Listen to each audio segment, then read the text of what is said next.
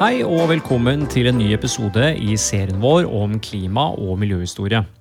Med unntak av energispørsmålet er det lite annet som får mer oppmerksomhet om dagen enn matproduksjon og forbruk. Jordbruket må bli stadig mer effektivt, hevder noen, mens andre ser ut til å mene at veien fremover ja, den går bakover til mer tradisjonelle produksjonsmåter og livsstiler. I denne episoden skal vi prøve å realitetsorientere oss litt om norsk matproduksjon. Stemmer det at det moderne landbruket er et skikkelig miljøsvin som sprer om seg med kunstgjødsel, kraftfôr og sprøytemidler? Hva skal vi i så fall gjøre med det? Og hvordan skiller lille Norge seg ut fra resten av verden? Med meg for å drøfte dette har jeg professor emeritus og seniorforsker hos Ruralis, Reidar Almås, og Per Fredrik Faro, leder for Statens klima- og skoginitiativ. Vi begynner, som seg hør og bør, med litt eh, historie. Eh, Reidar, du har skrevet en rekke bøker om norsk landbruk, hvorav den siste er Klimasmart landbruk. Når vil du si at det moderne landbruket ble innført i Norge, og hvilke miljøproblemer har vi sett eh, knytta til dette? Norsk landbruk har gått gjennom flere hamskifter. Det første hamskiftet kan jo symboliseres med slåmaskiner rundt århundreskiftet. Det var da bondestanden kom inn i det moderne Norge. Og det skapte jo ikke noe miljøproblem i første omgang. Fordi at det var et allsidig husdyrhold. Eh, møkka ble bruka på åkeren. Det var ikke noe for mye møkk. Og det her var før kunstgjødsla. Det er først etter andre verdenskrig, i det andre hamskiftet, med traktoren, kunst, kunstgjødsla, eh, kraftfôret og etter hvert også sprøytemidlene, at eh, vi opplever miljøproblem i landbruket. Og det tok også 30 år før det skikkelig begynte å uh, forurense vassdragene. Uh, silosafta begynte å renne, og, og vi fikk uh, mjø, gjengroing av Mjøsa som et resultat av det moderne landbruket. Så da er vi inne på 70-tallet? Vi er på 70-tallet. Den første forskriften mot forurensning kom i 1973, og det var mot silosaftavrenning. og da er vi i gang, for da blir miljø en etter hvert viktig målsetting i landbrukspolitikken å, å løse miljøproblemer. Ja, nettopp. Jeg tenkte på altså, stor avkastning vi hadde av landbruket. Vi snakker jo liksom om hamskiftet, det første der, som finner sted fra andre halvdel av 1800-tallet. Poteta kommer inn, tjohei. Hvor store forskjeller er det liksom mellom landbruket i begynnelsen av 1800 og landbruket i begynnelsen av 1900 f.eks.? Det er gigantiske forskjeller. Altså, om vi bare tar utgangspunkt i 1945, så fødte den norske bonden i tillegg til seg sjøl fire personer. Altså norske bonden produserte kalorier nok til å fø fem personer. I 2000, da vi holdt på med landbrukshistoria, så fødde den norske bonden 40 personer. I år så har jeg raskt regna på det at den føder en stand mellom 70 og 80 personer. Altså bare en fordobling siden for 20 år siden. Så det er en gigantisk produktivitetsøkning, som bl.a. er takket være at det vokser to strå der det før vokste ett. Vi har fått mer produktive husdyr. Vi bruker kunstgjødsel. Firedobling fra 45 til i dag. Sprøytemiddel for å kontrollere ugras. Og vi har også tatt i bruk kraftfôr. da, Både norsk og importert kraftfôr. Så vi har hatt en ekstrem produktivitetsvekst, men det har også kosta i form av skader på, på miljøet. Det er jo en suksesshistorie. Og det gjør jo også globalt at vi fører langt flere i verden i dag enn etter andre verdenskrig. Samtidig er det en rekke utilsikta konsekvenser. For det er, det er jo ikke en villa utvikling. Og det var heller ikke en forutsett utvikling at vi skulle få de her miljøproblemene. For det er jo ressurser på avveie. Altså, Eh, I det allsidige husdyrholdet så måtte du jo ta vare på alt. for uh, All gjødsla f.eks. For, for å ha på åkeren for å få det til å vokse mer gras og, og korn. Og da hadde jo alle områder der i landet der du har mulighet til å dyrke korn, det var det jo kornproduksjon, et allsidig landbruk. Men etter hvert så fikk du en kanaliseringspolitikk der husdyrholdet ble kanalisert til dal- og fjellbygder nordpå og vestpå. Og det sentrale Østlandet og eh, områder rundt Trondheimsfjorden fikk kornproduksjon. Og den ensidige kornproduksjonen gjorde jo at eh, det ble forurensning til vassdrager, elver og bekker og, og sjøer. Og dette er på 70-tallet? Ja, altså, Mjøsaksjonen i 1971 er vel det første store krafttaket mot uh, forurensning. Et løft, et suksessfylt løft, fordi at det var et samarbeid mellom uh, si, husmødrene rundt Mjøsa som kutta ut fosfor i vaskemiddelet, og bøndene som tetta gjødselkjellerne og, og slutta å, å, eh, ha så mye gjødsel eh, på, på, på jorda si, særlig nær vassdraga. Jeg skjønner, jeg skjønner. Men så ganske raskt så identifiserte man problemet, og ganske raskt prøvde man å gjøre noe med de problemene som, som oppsto. Og Det her var den første, første, store løftet. og Så kommer du her med bærekraft da, senere på 80- og 90-tallet. Det, kan vi, det kan vi komme tilbake til senere. Jeg tenkte å eh, se litt på Norge sammenlignet med internasjonalt. Eh, per Ferdik, du er utdannet historiker og jobber bl.a. med verning av skog og natur i utlandet. Nylig var du med på å utgi en internasjonal rapport om hvordan drive et mer effektivt og klimavennlig jordbruk i fremtiden. Eh, vi fikk høre her om enorme produktivitetsforskjeller fra ulike typer landbruk. Hvor skeivt ser det her ut på internasjonalt plan mellom moderniserte og mer tradisjonelle landbruk i, i dag? Well, først si at uh, jeg slutter meg til den virkelighetsbeskrivelsen. Landbruket har egentlig gjort en helt uh, eksepsjonell jobb i å øke produktiviteten og fø flere mennesker over de siste ti årene. Og som ble sagt, så har de hatt en god del utilsiktede bivirkninger eh, som nå truer eh, systemet. Eh, fra miljøsiden, men også på andre områder.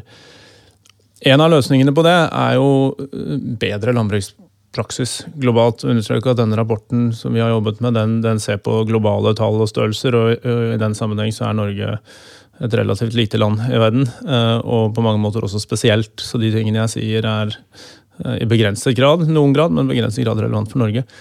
Eh, men det er klart, Produktivitetsforskjellene i landbruket er enorme.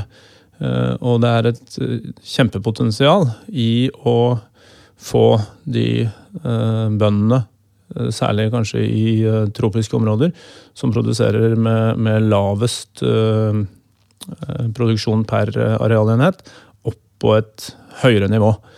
Ehm, det er også et betydelig potensial i å eh, få store deler av verden ehm, over på et system hvor det er mer begrenset bruk av gjødsel, mer begrenset bruk av plantemidler.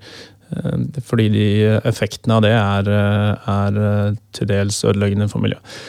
Det tredje poenget er at uh, landbruket globalt har jo uh, over tid ekspandert på territorium. Uh, og det har gått på bekostning av natur. og er en av de absolutt største driverne for tap av økosystemer og biologisk mangfold globalt. Og også en betydelig årsak til klimaendringene. Alle disse tingene er det mulig å gjøre noe med, men det vil kreve reformer. Er det ikke en viss fare for da, hvis man ønsker å løfte fram de jordbrukssamfunnene som eh, er mindre moderniserte, at når man moderniserer dem, at det fører til enda større klimaproblemer og miljøproblemer? Eh, ja, det er selvfølgelig en, eh, en helt reell mulighet. Og denne agendaen er såpass komplisert at det å påpeke enkle løsninger er antagelig ikke særlig lurt. Eh, vi anbefaler eh, Det er mange måter å, å, presentere den reformagendaen som må til på. Vi anbefaler eh, å strukturere den opp som ti, ti transformasjoner, men én agenda. Og det er alt fra endringer i kosthold via vern av natur til mer enn det vi kaller regenerativt landbruk. Og redusert matsvinn og en rekke, rekke andre elementer for å få dette systemet skrudd sammen på en måte som gjør at vi kan produsere nok og sunn mat til de drøye ni milliardene menneskene som antagelig bor på jorden om, om 20-30 år. Det, det, du kalte regenerativt landbruk, hva, hva, legger man i det?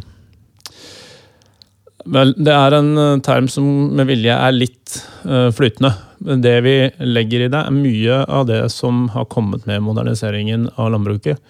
Uh, men det er også en bevisst overgang på flere områder. Et, en utfordring med landbruket globalt i dag er en ekstrem grad av konsentrasjon. Verden får over halvparten av kaloriene sine fra fire eller fem avlinger. Um, over halvparten av kaloriene produseres uh, i fem land, og i ganske avgrensede områder i de fem landene.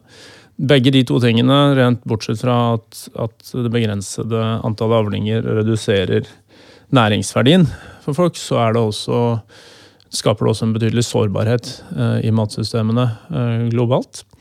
Eh, særlig eh, når klimaendringene nå gradvis slår inn, så blir vi veldig sårbare når både konsentrasjon og, og avling er, eh, er, konsentrert. Sånn at et hovedelement er å satse på en betydelig større grad av det vi kaller agrobiodiversitet. Altså bruke mye mer av det mangfoldet av avlinger som er spiselige for mennesker, og, og kan gi et mer mangfoldig og sunnere kosthold, men også et mer robust matsystem. Eh, det andre elementet er jo en, I store deler av verden så brukes som jeg nevnte, plantemidler og gjødsel i altfor stor grad. Og det å redusere det ned til en optimalt nivå er en quick win som både har økonomiske og økologiske fordeler. I tillegg så er det et poeng å, å begynne å innrette både forskning og utvikling. Um, og uh, skal vi si regenerering av uh, jordsmonn mot biologiske heller enn kjemiske virkemidler. Eh, Reidar, vi hører om konsentrasjon her, og, og, at man eh, baserer seg på veldig få korntyper. og sånn. Er dette ting du kan kjenne deg igjen i norsk eh, sammenheng? Den debatten eh, oppsto jo på slutten av 80-tallet i Norge. Det var jo ikke noe sammentreff eh, av tilfeldighet at eh, Brundtland-kommisjonen kom med begrepet bærekraftig landbruk. Som nettopp, når, når kom det? Den kom vel i 87. 87 og det her er jo samtidig med at eh, begrepet bærekraftig landbruk blir introdusert i stortingsmeldinger og i landbrukspolitikk i Norge. Og du får det her med eh, at eh, landbruket ikke bare, skal ikke produsere bare kilo og liter, men også ta vare på det biologiske mangfoldet, kulturlandskapet Eh, og bli eh, bærekraftig, både, ikke bare økonomisk, men også økologisk eh, og sosialt bærekraftig. Så det skjer et skifte, da.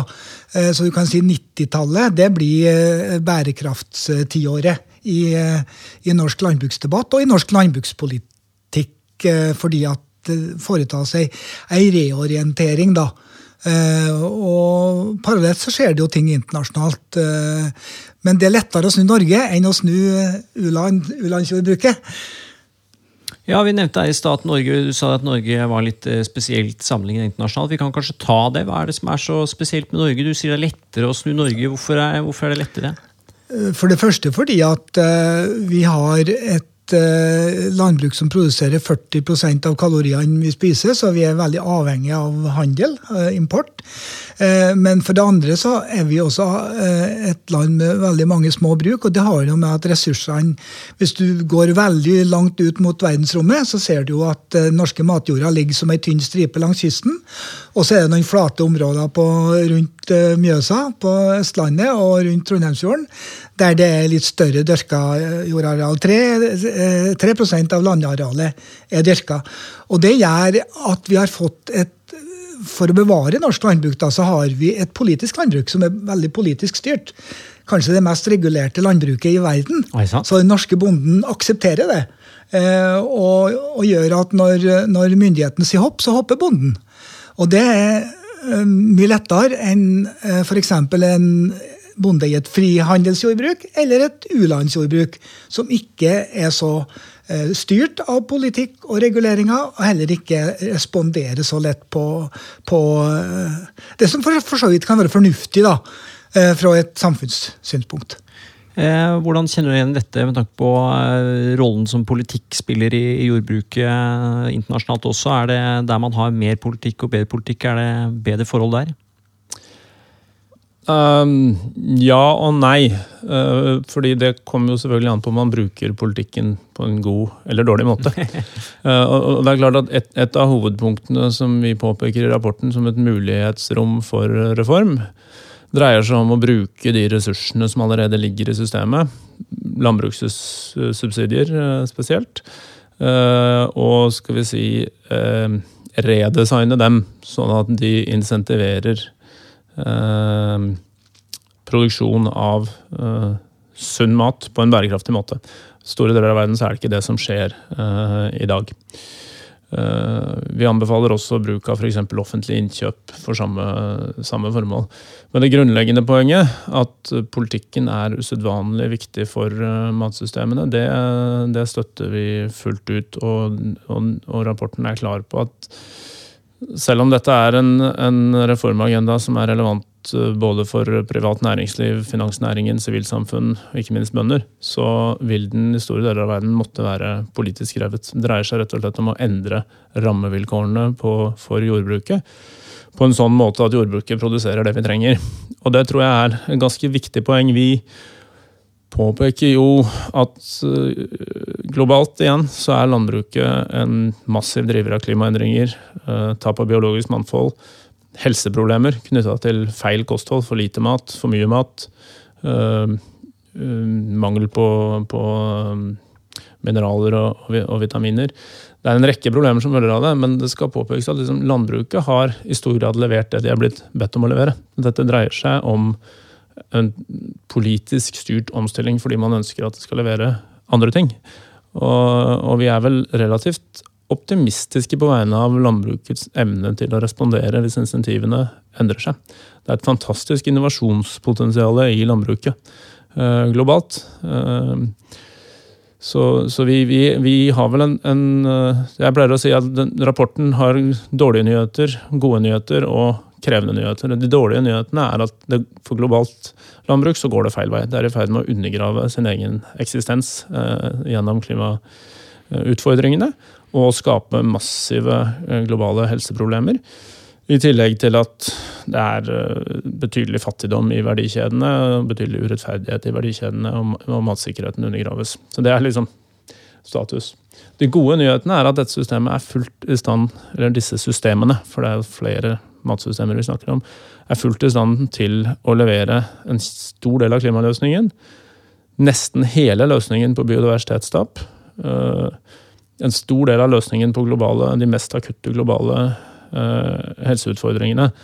Så det er en veldig spennende og inspirerende agenda der. Men den krever, og det er de, eh, det er de litt sånn utfordrende nyhetene, det krever en reformagenda som vi neppe har sett Eh, implementert på noe tidspunkt i verdenshistorien før. Og det må gå fryktelig fort, for vi har veldig dårlig tid, som både Klimapanelet og Biodiversitetspanelet er klare på. Dette er, vi har en tiårsperiode nå hvor ting må skje eh, i veldig høyt tempo, og det blir ikke lett.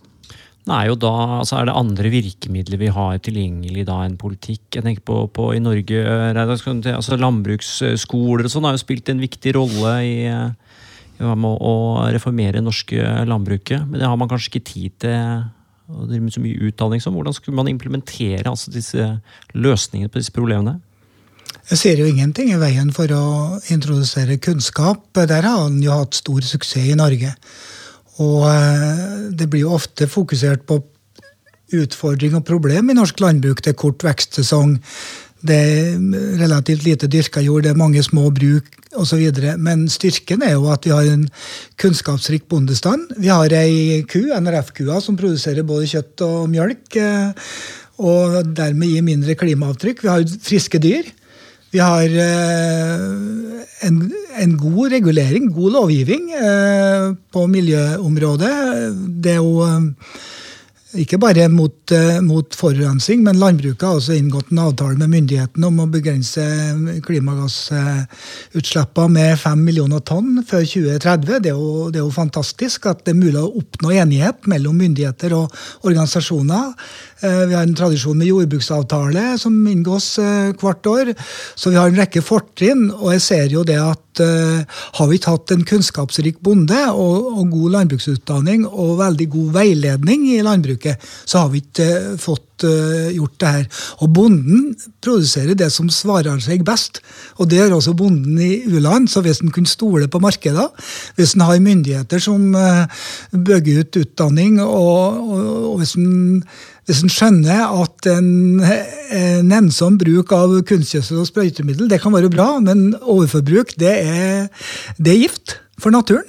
Eh, det er en rekke sånne faktorer som må læres, og når, når bonden kan det, så, så, er bonden fornuftig. Altså, vi må tro på bonden. Er vi blitt bedre på eh, å øke produktivitet uten å samtidig spy eh, sprøytemidler og gjødsel og sånn utover? Eh, vi, eh, som alle bønder, så er svaret nei. Men at den kunnskapen og praksisen til å gjøre det fins, så er svaret definitivt eh, ja. Så mulighetsrommet for, for, å levere med høy produktivitet per arealenhet med mye mindre bruk av sprøytemidler og, og kunstgjødsel er definitivt til stede og praktiseres mange steder. Jeg er helt enig i det poenget med å få spredd kunnskap. Du skal være klar over at uh, over halvparten av matproduksjonen i verden skjer fortsatt blant småbønder. I store deler av verden så er de småbøndene i veldig stor grad overlatt til seg selv. Det er ikke noe av det som på nynorsk kalles extension services, som altså kan bidra til å uh, dele det siste innen kunnskap, uh, såkorn, praksis, på en god måte. Eh, og I de delene av, av verden så er, så er, politikken og insentivene viktige, men det er også en betydelig investeringsagenda. Det dreier seg om transport for å kunne få varene til marked. Det dreier seg om elektrisitet for å kunne holde varene avkjølt til de kommer på marked. Det er en rekke helt basale ting som vi nærmest har for gitt i Norge, eh, som ikke eksisterer. Eh, og uten store investeringer i den agendaen, så, så vil vi ikke lykkes. Jeg må bare legge til at det er ikke så lenge siden vi var på u-landsnivå heller i Norge. Altså Transporten fra bygdene til bymarkeder ble utvikla i stor grad etter andre verdenskrig. Kjølekjeden, det at vi fikk eh, mulighet til å kjøle ned mjølk og, og kjøtt og holde det holdbart for forbrukeren, eh, kom på 60-70-tallet. Eh, markeder, det at vi fikk et landbrukssamvirke styrt av bønder som gjorde at de kunne stole på markedet et landbrukssamvirke som har, eh, som har, mottaksplikt, så du vet at det blir ikke liggende og råtne, maten blir konsumert osv. Altså fungerende markeder, eh, finansieringsordning, at du har kreditt. Bonden kan låne penger med sikkerhet i jord. Altså Det er en rekke ting eh, Det er bare så vidt jeg vet 35 land i verden der du har mulighet til å låne penger med sikkerhet i jord. Eh, og det som vi vet da et lite mindretall av, av land. Så det er en rekke sånne forhold der vi er nærere u-landstida, eh, altså på det nivået u-landet er i dag, enn, enn vi egentlig husker på til daglig. Eh, jeg, du nevnte jo i sted at uh, vi i Norge har jo importert uh, store deler av kornet vårt, opp mot halvparten, altså helt siden uh, middelalderen. Eh, hvilken rolle vil handel eh, fortsette å spille fremover? Er det, vil vi se mer og mer sånn kortreist eh, mat, eller vil internasjonal handel med korn forbli en stor greie? Um, vi har gjort ganske utstrakt modellering for denne rapporten, og, og, og konklusjonen fra vår side er vel at uh, noe større innslag av kortreist mat er eh, en god idé. Både fordi det gjør det enklere å få tilgang til sunn mat, og fordi det vil gjøre det enklere å eh, etablere en sirkulær økonomi med hensyn til næringsstoffene, som i dag ofte, veldig ofte, særlig i tilknytning til byer, bare går tapt. Eh, så det å introdusere lokal sirkulær økonomi for landbruket, det er en god ting som som bør etterstrebes. Samtidig så er det sånn at uh, loven om komparative fortrinn er fremdeles høyst relevant. Og handel i mat vil være en nødvendighet for å mette verden på en effektiv måte. Det har både med, med, pris å gjøre, det har med næringsinnhold å gjøre, og det har også med naturvern å gjøre, faktisk. Hvis alle skulle produsere sin egen mat i sin egen nærhet, så vil effekten for naturen også bli relativt negativ. Eh, så det, det, er en moderat justering i retning av mer lokalprodusert mat. Eh, men signifikant, men moderat. Vi må snakke litt om eh, arealbruk. Du nevnte i stad 3% av Norges landareal er dyrkbar mark. Eh, hvor mye er det? Eh, altså er det utmark? Er det, går det inn i de Nei, det er dyrka jord, det. Det er dyrka jord. I tillegg så kommer utmarka, der vi utnytter bare halvparten av kaloriene. Hvor stor andel av Norges landareal er utmarka, eller kunne utmarka vært? Det er vel beregna at 45% av Norges landareal kan benyttes som beite. Så det er ikke bare fjell og isbreer i Norge heller.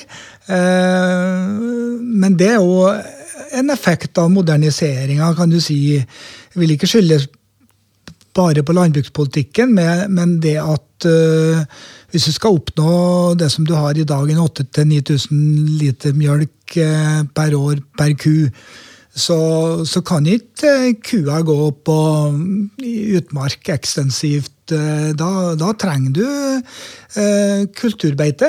gjerne gjødsla kulturbeite. Uh, og du må ha Du har ei ku da som skal være i løsdriftsfjøs, gjerne med robot, som er dagens uh, situasjon for uh, halvparten av den mjølka som blir produsert. Og da får ikke den utnytta utmarka. Her er det jo moderne teknologier på gang da, med, med elektroniske gjerder som gjør at Eh, jeg ser optimistisk på bruk av mer utmark i framtida, men, men, det er ikke en quick fix over natta. Det er ikke bare å sende dagens NRF-ku opp i fjellet, så vil eh, ting ordne seg. Eh, per Fredrik, En av de tingene rapporten din peker på, er jo at for internasjonalt da, så må man gi tilbake noe landbruksområder til naturen. Er det tilfellet i Norge også? Som jeg sa innledningsvis, det må noen andre utdanne seg om, og det må gjøres en analyse på det. Jeg har ikke noe svar på det, rett og slett. Men ja, de internasjonale tallene er interessante, og, og vi starter egentlig litt eh, i motsatt ende. Vi ser på hva er mulig å få til ved en mer rasjonell arealbrukspolitikk. Og Det dreier seg både til dels om kostholdsendringer, det dreier seg om reduksjon av matsvinn, hvor vi har en relativt moderat målsetting som vi som vi legger inn. Og som nevnt tidligere, økt produktivitet, særlig blant de marginale produsentene.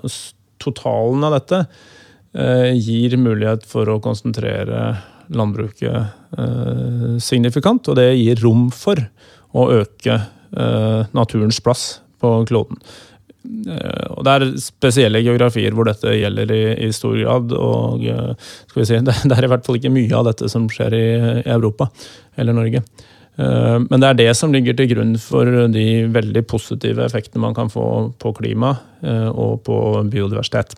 Det at du kan få mer natur i store deler av verden. Hvis man har flydd over eh, f.eks. deler av skoggrensa mot verdens tropiske skoger, og sett ned og sett hva skjer på de landområdene som er blitt avskoget, så er det særdeles lite produktivt. Det, er, det kan være en ku per hektar, knapt nok det. Eh, sånn at det dreier seg om veldig veldig store tall knyttet til effektivisering av landbruket i, i deler av verden. Eh, og i de samme områdene så er potensialet for regenerering av natur veldig høyt. Først og fremst dreier det seg om ikke å ta for seg mer av naturen. Å stoppe avskoging, eh, spesielt i tropiske områder. Men det er også tilbakeføring. Ja, for oss i Norge så er det vel en del av statens klimastrategi å drive med planting av trær. Eh, vil ikke det gå på, komme i konflikt med den utmarkssatsinga di, Reidar? Da må vi tilbake til at eh, det har skjedd ei ukontrollert gjengroing. da. Fordi at eh, store arealer har grodd igjen eh, pga. at bruk har blitt nedlagt, og at eh, utmarksbeite ikke har blitt eh, benytta. Det bidrar jo positivt til å binde CO2, fordi eh, skogen i Norge binder jo halvparten av den CO2-en vi slipper ut, men det er ikke noen særlig rasjonell måte å gjøre det på. Eh, så det er vel mer sånn at den skogplantinga som kan og bør skje, den bør være der det hogges skog, sånn at den gamle skogen går inn i kretsløpet som tremateriale til bygg. Og, og nå har man, jo begynt å bygge høye bygg og, og, og bruer og, flyplasser av, av, tre. Og så bør det raskest mulig plantes skog som kan stå og bette ny CO2. Den der ukontrollerte gjengroinga den er både ødelegger kulturlandskapet, og, og, det er ikke særlig rasjonelt for, for klimaet. Og dessuten så er, jo, er vi i ferd med å forby dyrking av myr. Det er jo en måte å, å stoppe eh, CO2-utslipp for å, å, å, dyrke myr. Det er jo en, en, en versting i, i, klimasammenheng. Noen områder er det jo kanskje ikke mulig å dyrke ny, få til ny dyrka jord uten å dyrke myr, men det er unntaksvis, og det har, har så liten betydning i det store bildet at det er et fornuftig fornuftig skritt. Det å plante klimaskog, som en del land, vårt naboland Sverige gjør jo det, det tror jeg ikke er noe for Norge. Vi har så begrensa arealer, at vi må bette CO2 på annen måte. Og så er det ganske mye skog i Norge allerede. Jeg synes jeg at det var 37% eller sånn Norges landareal nå er dekket av skog. Rekordhøyt. Ja, og det jo, har jo litt med gjengroing å gjøre, da. Ja, eh, men eh, det har jo òg med det å gjøre at uh, den gode nyheten når det gjelder uh, klimaendringer, det er jo at skogen vokser mer. Uh, og gresset vokser også mer. Fordi at CO2 er jo livsgasser for både tre og planter. men vi kan jo ikke lene oss tilbake på det og liksom tenke at skogen skal ordne opp for oss. For så fort skjer ikke gjengroinga, og så fort vokser ikke skogen at Eh, det vil bette de klimagassene som vi nå slipper ut på grunn av, Og det har jo med den fossile revolusjonen å gjøre. Ja. Der landbruket er også en del av eh, problemet.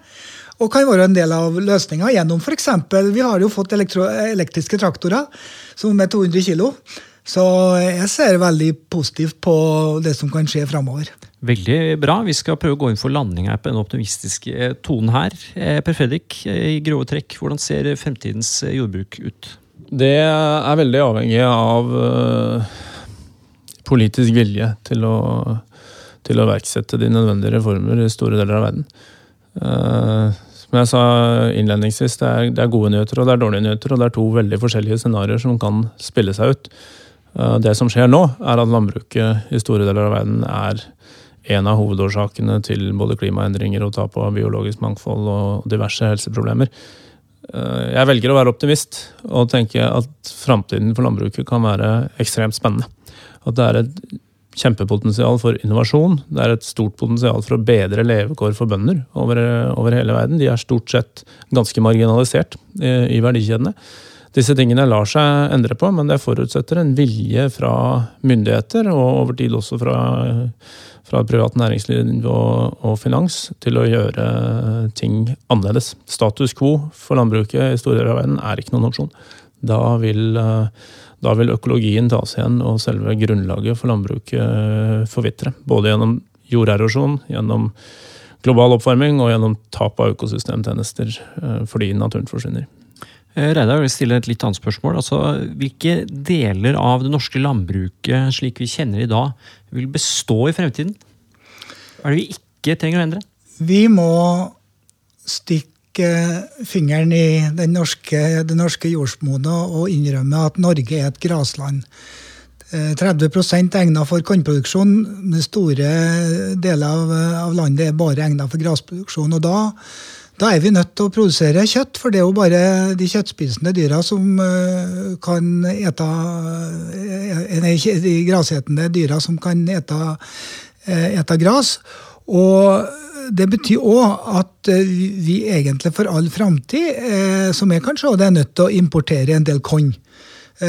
Så vi er avhengig av, av verdenshandelen. Og jeg ser for meg at uh, vi må ete mer uh, uh, grasfôra kjøtt. Vi må ete mer lokalt, vi må ete mer i sesong, og vi må ete opp maten. Altså, Matsvinn det er nå den den, den, den, er verre i u-land, men det har med f.eks. mangel på kjølekjede og sånne ting, og mangel på fungerende markeder. Men i vårt land så har det jo med overflodssamfunnet. Det må, vi, det må vi være ærlige nok til å innrømme. Og for, Det er ikke bare bonden som har en rolle her, forbrukeren har også en rolle. Og her skjer det jo positive ting. Og jeg ser jo også at u-landene må ha lov til å intensivere. De må opp i eh, produktivitet, intensitet. Her i vårt land så tror jeg det handler mer om å flate ut produktivitetsveksten. Og heller produsere kvalitet og, og ta vare på ressursene og sirkulere ressursene. For forurensning det er, jo, det er jo ressurser på avveie, eh, og det må vi stoppe. Reidar Amås, Per Fredrik Faro, tusen takk til dere for innsiktsfulle og historiske perspektiver på fremtidens eh, jordbruk. Jeg heter Anders Brenna. Ansvarlig for denne podkasten er Ellen Katrine Lund. I neste episode ekspanderer vi på matspørsmålet ved å prøvesmake litt på fortidens kosthold og matvaner.